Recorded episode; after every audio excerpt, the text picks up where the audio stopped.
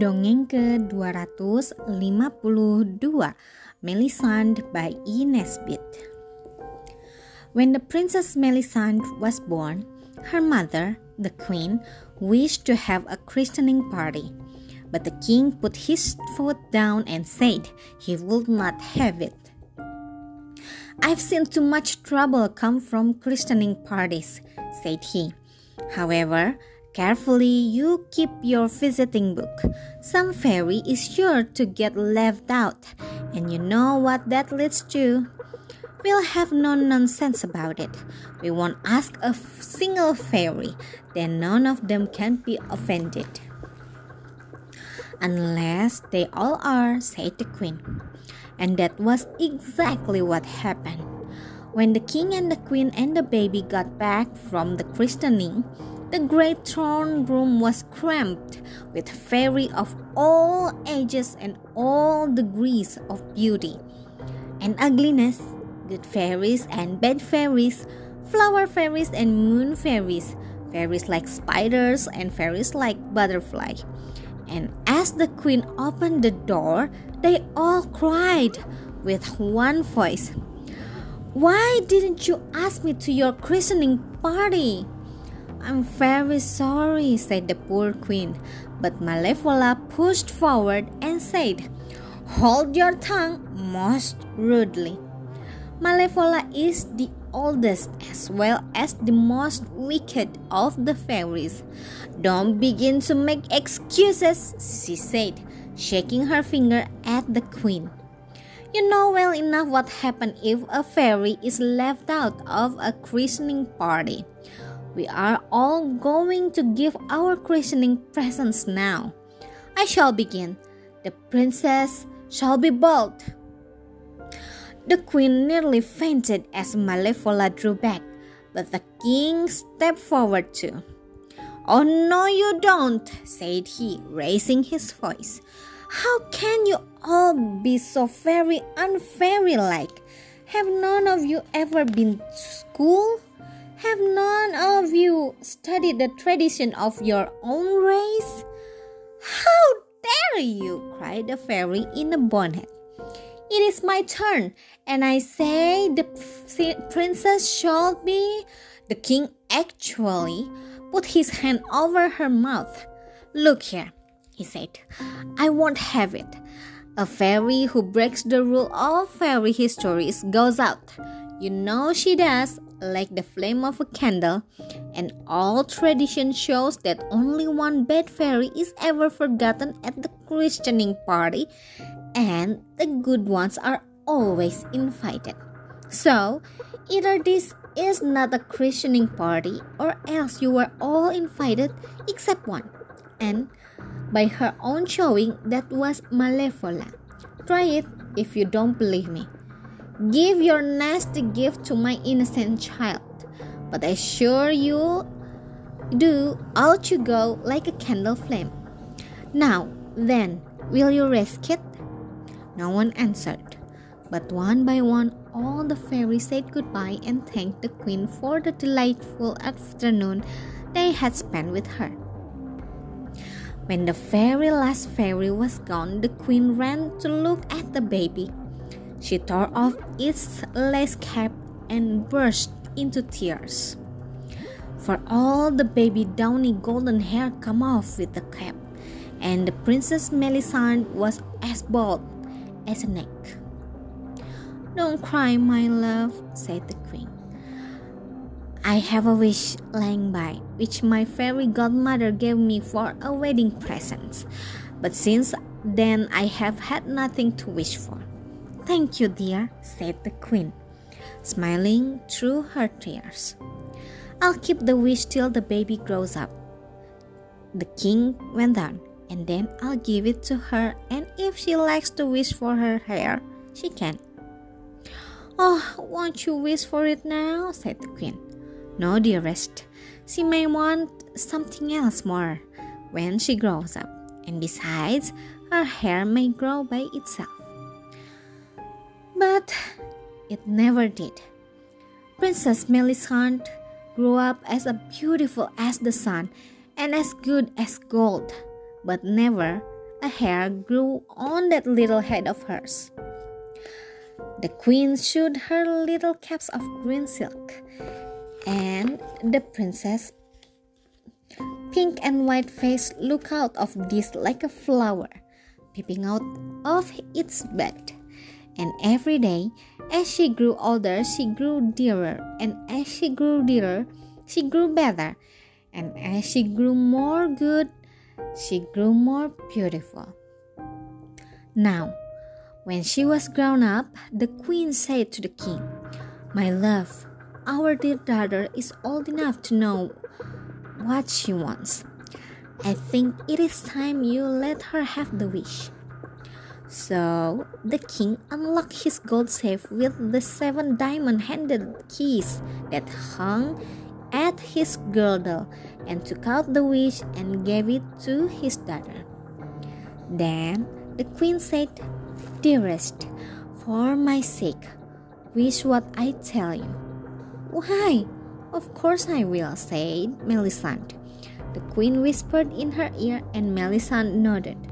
And she said aloud, I wish I had a golden hair that was a yard long, and that it would grow an inch every day, and grow twice as fast every time it was cut. And stop! cried the king. But the wish went off, and the next moment the princess stood smiling at him through a shower of golden hair. Oh, how lovely, said the queen. What a pity you interrupted her, dear. What's the matter? You'll know soon enough, said the king. Come, let's be happy while we may.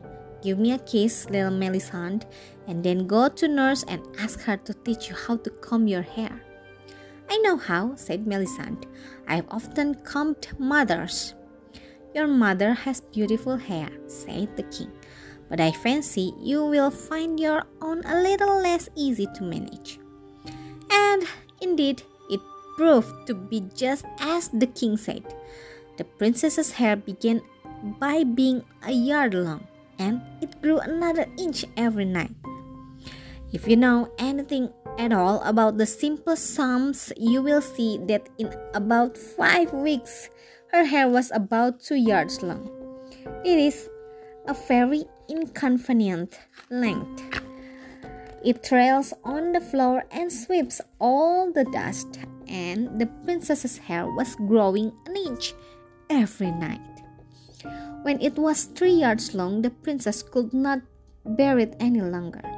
It was so heavy and so hot, so she cut it all off, and then for a few hours she was comfortable. But the hair went on growing, and now it grew twice as fast as before. So that in 36 days it was as long as ever. The poor princess cried with tiredness. When she couldn't bear it anymore, she could she cut her hair and was comfortable for a very little time. For the hair now grew four times as fast as at first, and in 18 days, it was as long as before, and she had to have it cut and so on, growing twice as fast after each cutting, till the princess would go to bed at night with her hair clipped short and wake up in the morning with yards and yards and yards of golden hair flowing all about the room so that she could not move without pulling her own hair, and nurse had to come and cut the hair off before she could get up. I wish I was bald again, sighed poor Melisande. And still, the hair grew and grew. And then the king said, I shall write to my fairy godmother and see if something cannot be done.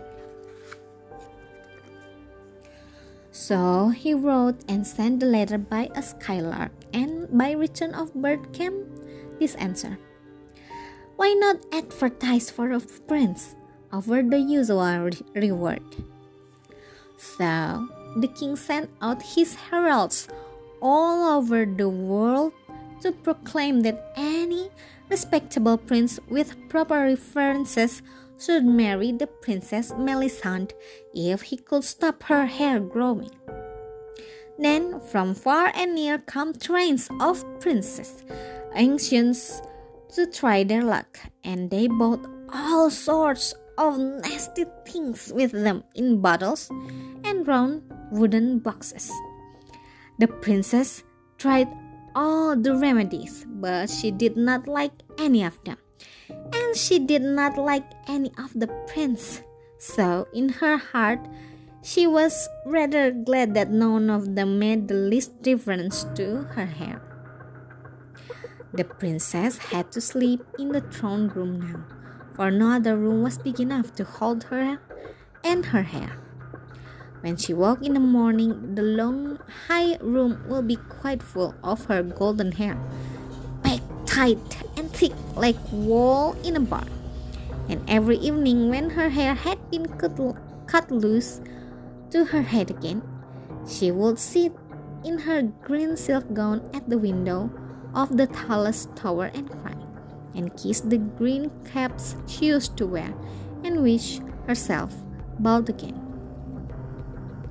It was as she sat crying there on Midsummer Eve that she first saw Prince Florizel. He was walking in a garden in the moonlight, and he looked up and she looked down.